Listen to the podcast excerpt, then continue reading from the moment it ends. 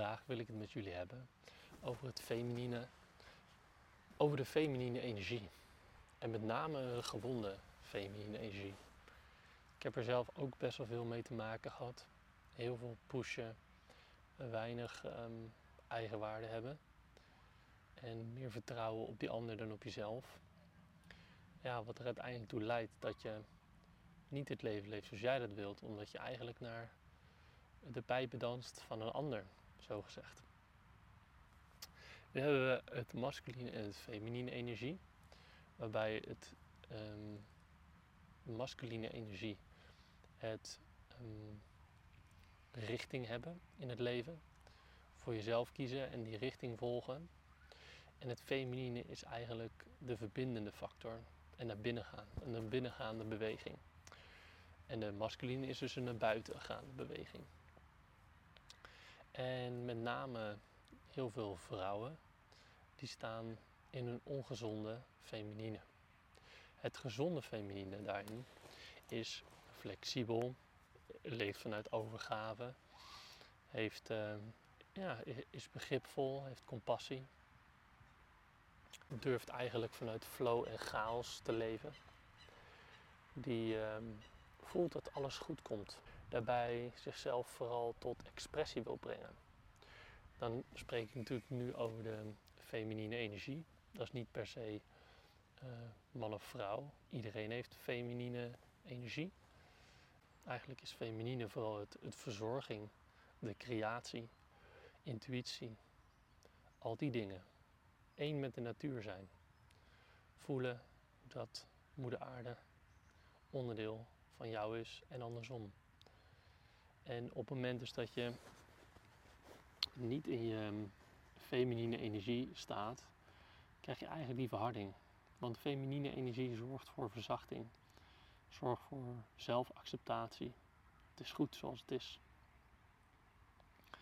En veel voorbeelden is, nou ja, een van de dingen die me vooral heel erg bezighoudt, um, is het, de, het cirkel van vertrouwen. Ik heb al eerder over gesproken ergens anders, maar de cirkel van vertrouwen is eigenlijk dat mensen jou kunnen vertrouwen op hetgene wat jij zegt. Op het moment dat iemand vanuit gaat van wat jij zegt klopt, dan krijg je bijvoorbeeld dat iemand iets aan jou vraagt en iets van jou wilt en daarop geef je ja, want je vindt die ander zo lief. Maar eigenlijk als je diep in je hart kijkt, wil die helemaal geen ja zeggen, maar nee zeggen. En wat krijg je dan? Iemand gaat misbruik van je maken. Want je gaat uit het cirkel van vertrouwen. Ze kunnen jou niet vertrouwen op je woord. Zij gaan uit van ja, dus jij doet dat, jij geeft dat.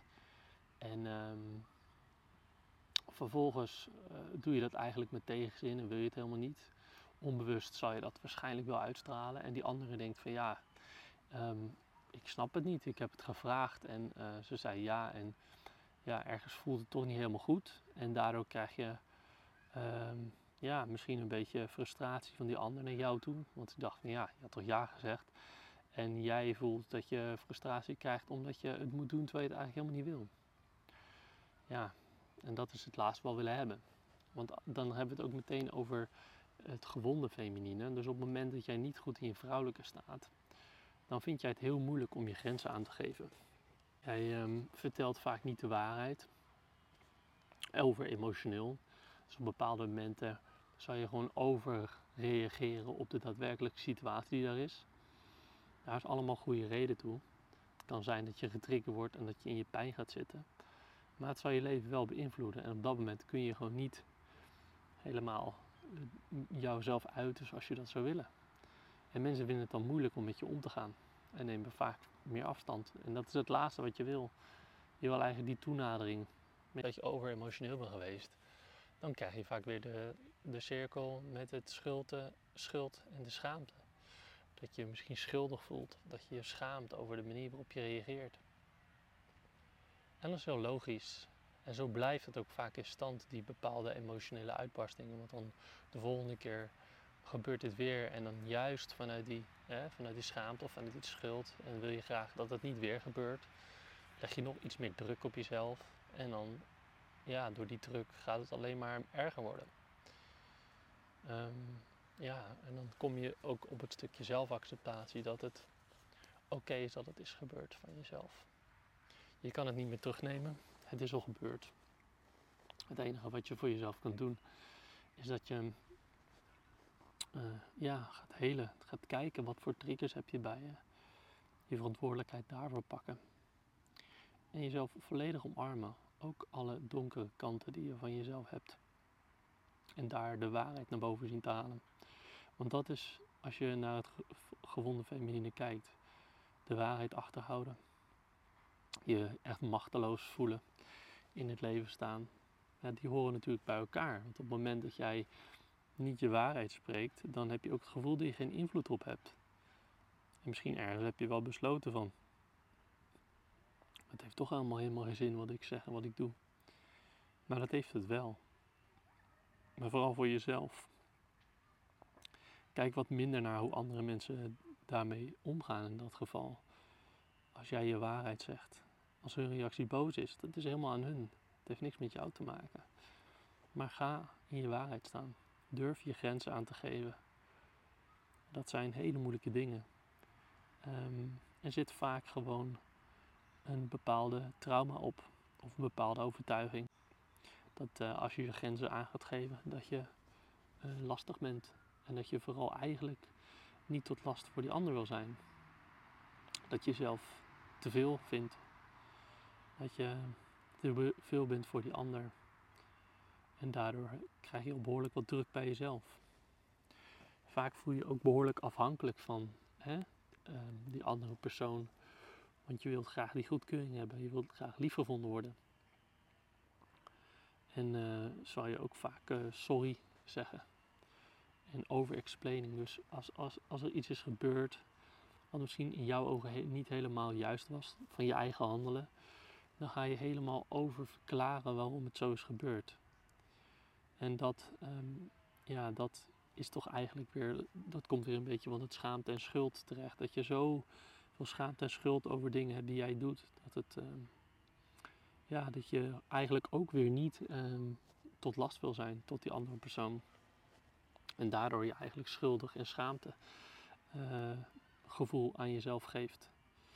En die, die schaamte en um, schuldgevoelens zijn ook van generatie op generatie. Zoals een moeder die tegen je zegt van je moet je ervoor schamen. En ja, doe dat niet op die manier of ze, ze, um, ze judgen, ze, ja, ze veroordelen, beoordelen jouw gedrag en keuren het af. En vervolgens keur jij ook datzelfde gedrag van jezelf af, terwijl je eigenlijk ergens wel weet dat het gedrag gewoon prima is, dat het gewoon oké is. Maar dan is het al zo vaak gebeurd dat het voor jou een, eh, een wond is geworden. Um, ja. Ik, uh, en dan, gaan we nog een stukje hebben over waarom ontstaat dit nou eigenlijk? Ja, enerzijds hè, moesten we naar school en moesten we vooral in een bepaald regime uh, lopen, in vele gevallen. En was er weinig ruimte voor de, de persoon zelf. En dat hij zichzelf uh, mag expres, expressie mag geven aan, aan hoe diegene is. Want dan werd het gewoon afgekeurd. Want je moest nou eenmaal hè, dit, dat, zus en zo van de leerkracht en van je moeder thuis. En overal moest je maar naar luisteren. En, en ja, heb je dat maar braaf gedaan om ergens jezelf veilig te voelen. Want je wist ook dat als je het niet deed, dat je dan boven het maaiveld uitstak. En dat het uh, ja, ook kan zorgen dat, uh, dat je misschien wel iemand gaat verliezen. Of dat je uh, ja, onaardig, eh, dat er onaardig tegen je gedaan wordt. Of dat je jezelf buiten ging sluiten door jezelf anders te gedragen.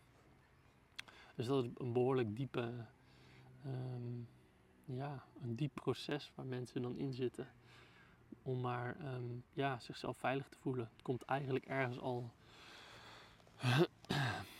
vanuit de jeugd. Want toen we jong waren, wilde je eigenlijk twee dingen. Geaccepteerd worden voor wie je bent en je veilig voelen. En vaak is het zo dat mensen jou misschien wel vervelend vonden dat je hebt gehuild of, of iets anders. Of boos en dan keurden ze dat af. En dan mocht je maar terugkomen op het moment dat je weer klaar was met je emoties. En zo voelde je dus op het moment dus dat je je zo gedraagt. Dan word je buitengesloten en voel je dus niet veilig. Dus heb je er vaak voor gekozen om hè, die emotie niet te uiten Zodat je maar niet afgekeurd werd en uh, je je veilig kon voelen. Zo diep zit dat geprogrammeerd in ons. En nu mag jij die programmering weer gaan omprogrammeren. Je mag al die dingen van al die stukjes, al die pijnstukken die je bij je draagt, mag je weer gaan helen, mag je weer gaan toelaten. Zo ga je ook beter leren wat je nou daadwerkelijk kan. Of nou wat je daadwerkelijk wil in het leven. Um, en ga je weer veel meer vrijheid ervaren in plaats van jezelf opgesloten voelen binnen jouw emoties en in jouw wereld. En de reden waarom dit daarnaast nog verder vaak ontstaat is uh, door, ja, door ouders die bijvoorbeeld narcistisch zijn of licht narcistisch.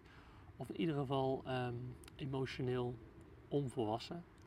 Dat ze niet voor jouw emoties hebben kunnen zijn. Om welke reden ook. Je kan je op een gegeven moment ook zelf hebben afgesloten natuurlijk. Ze zullen ook zelf niet geleerd hebben hoe ze voor hun eigen emoties konden zijn. Hoe ze voor zichzelf konden zorgen. Ze moesten vooral presteren. En vooral, uh, um, ja, hoe zeiden ze dat vaak? Uh, niet lullen, maar poetsen.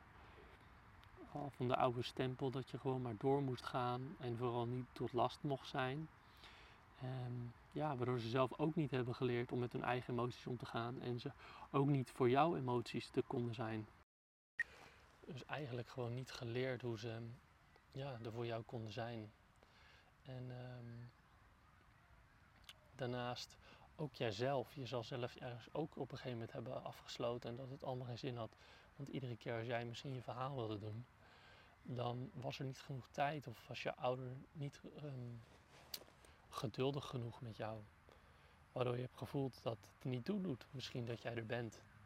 Dat je misschien, hè, dat je ouders niet eens, uh, dat je moeder het niet eens uh, belangrijk vindt dat je hier bent. Dat, dat jij er niet toe doet in haar ogen. En dat je ook niet de steun van je vader hebt gevoeld. Dat zijn eigenlijk de twee dingen ja, die je van je ouders zou had willen krijgen. Um, ja.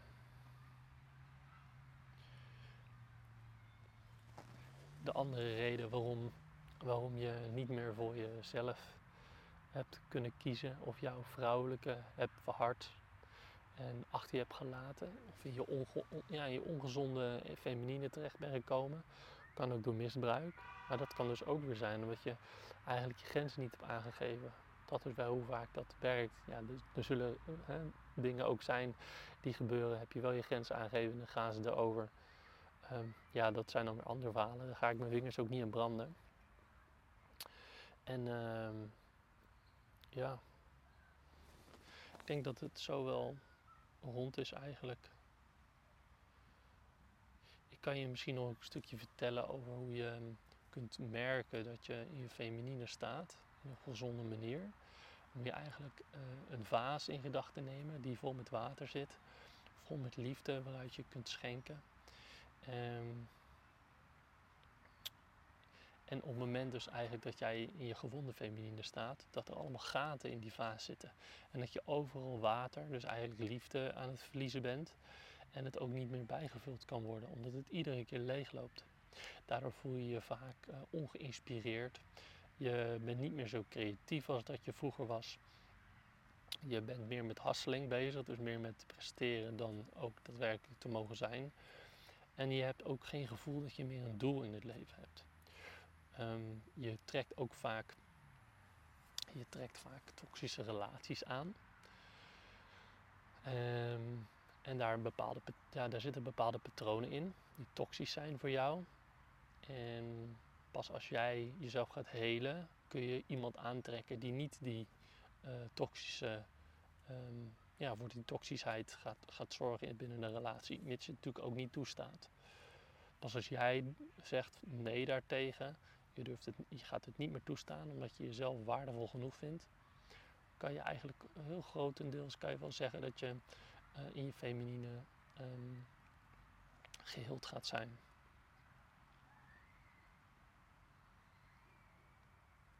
Ja, dit was hem voor vandaag.